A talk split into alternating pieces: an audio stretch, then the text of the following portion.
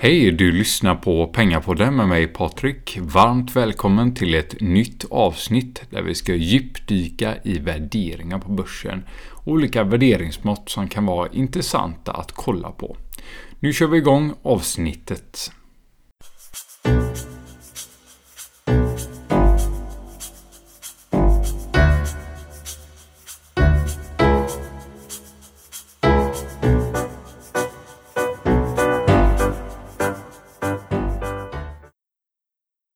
Innan vi går in på värderingar så ska jag köra en marknadsuppdatering med relevant information som kan vara intressant att känna till för att öka förståelsen för marknaden just nu.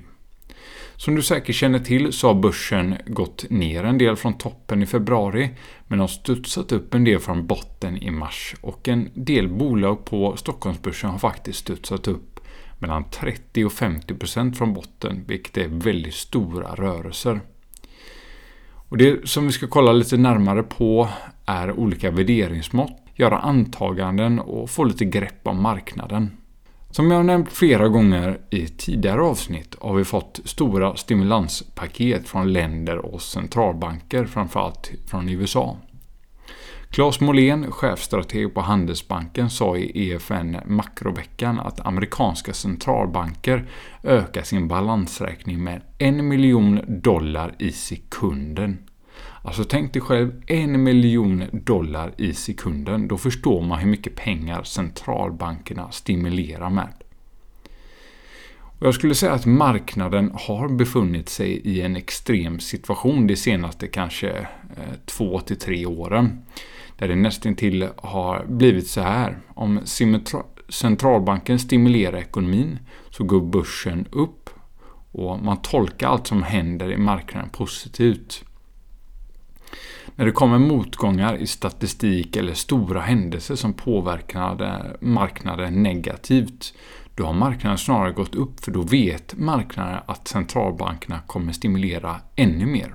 Och det är inget sunt tecken i marknaden där vi snarare drivs upp i takt med att centralbanker ökar global penningmängd. Vilket egentligen får dina pengar att bli mindre värda. Lite förenklat då att ju mer pengar du skapar, ju mindre blir dina pengar värda. Jag tycker teamet på Nordea är riktigt duktiga med bland annat Martin eh, Enlund, eh, Mikael Sarve och Andreas Steno Larsen på Twitter. Som lägger ut många intressanta grafer och tankar eh, där de delar med sig om läget på marknaderna. Eh, där la de ut en intressant graf på Twitter häromdagen.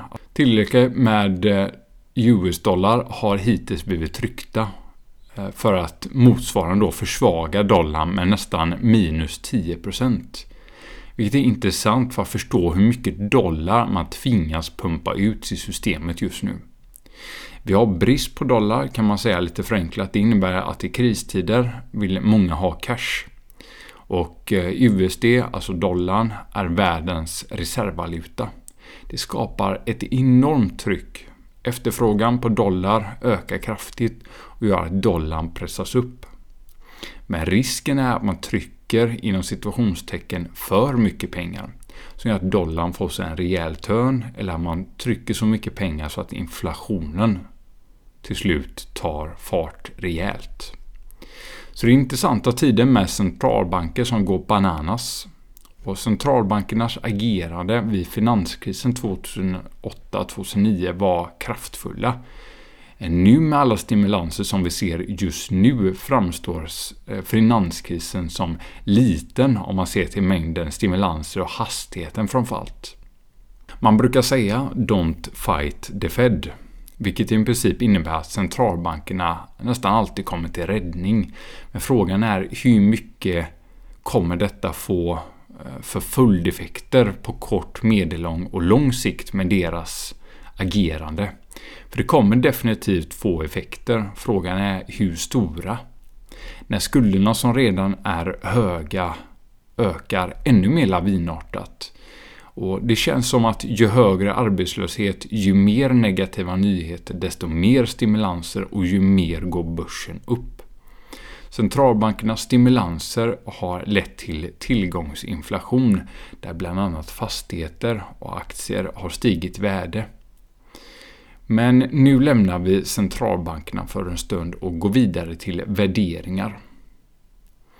Nu när börsen har gått ner en del från toppen tänker säkert många att börsen har blivit billigare och det beror på självklart hur man ser det, vilka eh, värderingsmått man tittar på. Det finns ett värderingsmått som kallas Warren Buffett-indikatorn som är en indikator som Buffett brukar använda. Den utgår från total market cap to, eh, till GDP på amerikanska då. Och det innebär då att man räknar det totala marknadsvärdet i förhållande till amerikansk BNP. BNP är alltså den ekonomiska aktiviteten i ett land. Eh, alltså värdet av all konsumtion av varor och tjänster, eh, bruttoinvesteringar, export minus import och så vidare. Och Sveriges BNP låg eh, för 2019 på drygt 5 000 miljarder svenska kronor. Men om vi då går in på konkreta siffror från Warren Buffett-indikatorn som alltså visar det totala marknadsvärdet gentemot då BNP kan man säga. Så räknar man på en procentuell del då. Alltså hur mycket BNP kontra eh, totala marknadsvärdet på börsen kan man säga då. Eh, så ligger vi just nu på 126,4 procent. Och det säger kanske inte dig eh, så mycket. Men jag ska berätta lite hur det har sett ut historiskt. I januari 2020, alltså år 2020, stod indikatorn på 151% av BNP. Just nu när avsnittet spelas in har vi alltså då ungefär 126,4% visar den här indikatorn. Vilket har att göra då med att börsen har gått ner lite från toppen när vi hade 151% av BNP. Vid finanskrisen stod den här indikatorn som högst på 105% av BNP. Vid IT-bubblan, där värderingarna var helt bananas, stod vi på högst på 140% ungefär. Vid finanskrisen stod vi som lägst på 52%, vilket var antagligen när börsen bottnade ut. Under 50% så visar den här indikatorn att börsen är väldigt undervärderad. Är det mellan 50 75% så är börsen eh, rätt undervärderad. Är vi på mellan 75 90% så är det rimliga värderingar. Är vi på 90 115% är det rätt övervärderat och över 115 är väldigt övervärderat. Bara för att förstå på toppen nu i början av året visade indikatorn 151%. Vilket ser ut att vara det högsta värdet indikatorn någonsin har visat så långt som jag kan se på den här grafen.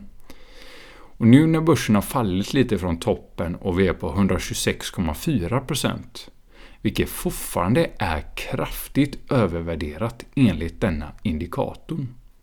Då har inte ens BNP börjat falla än. Skulle BNP falla och börsen inte faller med så kommer indikatorn gå ännu högre. Men det är också väldigt viktigt att lyfta fram att detta är ett värderingsmått som ger en generell bild av läget. Och även om den här generella bilden visar att framförallt amerikanska börsen är väldigt högt värderad så innebär det inte per automatik att alla bolag är högt värderade och det är väldigt viktigt att känna till. För det finns alltid möjligheter att eh, hitta hitta intressanta bolag som är felprissatta och därför kan det alltid vara intressant att försöka stockpicka och försöka hitta intressanta bolag att investera i. Och vill du kolla på den här grafen som jag har berättat om, den här Warren Buffett-indikatorn, så kan du googla eh, Gurufocus Warren Buffett Indicator på engelska då. Indicator. Så Warren Buffett sitter just nu på 128 miljarder dollar i cash. Vilket många har funderat på varför. Och ett argument skulle kunna vara att han följer den här, hans favoritindikator och inte ser så många möjligheter på marknaden just nu. Eh, vem vet? Eh, det är nog bara Buffett själv som vet varför han sitter med så mycket cash. Men nu börjar jag runda av här och jag hoppas att du tyckte det var intressant avsnitt att höra lite om centralbankerna där eh, Fed, alltså amerikanska centralbanken, ökar balansräkningen med en miljon dollar i sekunden. Eh, att få höra lite om Warren Buffett-indikatorn, vad den säger just nu. Och jag hoppas att du har tagit med dig något från detta avsnittet. Sammanfattningsvis vill jag säga att det som driver börserna just nu skulle jag säga är stimulanser. Finansiella flöden, att räntan är så pass låg som den är. Det gör att folk letar avkastning och ser börsen som nästintill det enda alternativet. Och en annan faktor som driver börsen just nu är en optimist, eh, optimism om att viruset avtar. Det är nästan ingen som vet exakt hur stora effekter det här kommer få för ekonomin med coronakrisen. Jag tycker olika experter och banker säger väldigt olika saker och det visar så himla tydligt att det är så svårt att veta vad detta kommer ha för påverkan längre fram.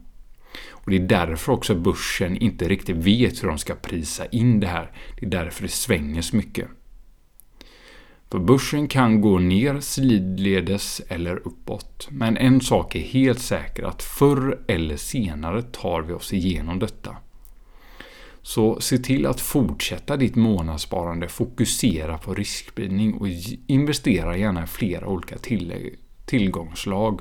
Såsom råvaror, kanske lite ränte, cash och, och aktier och så vidare.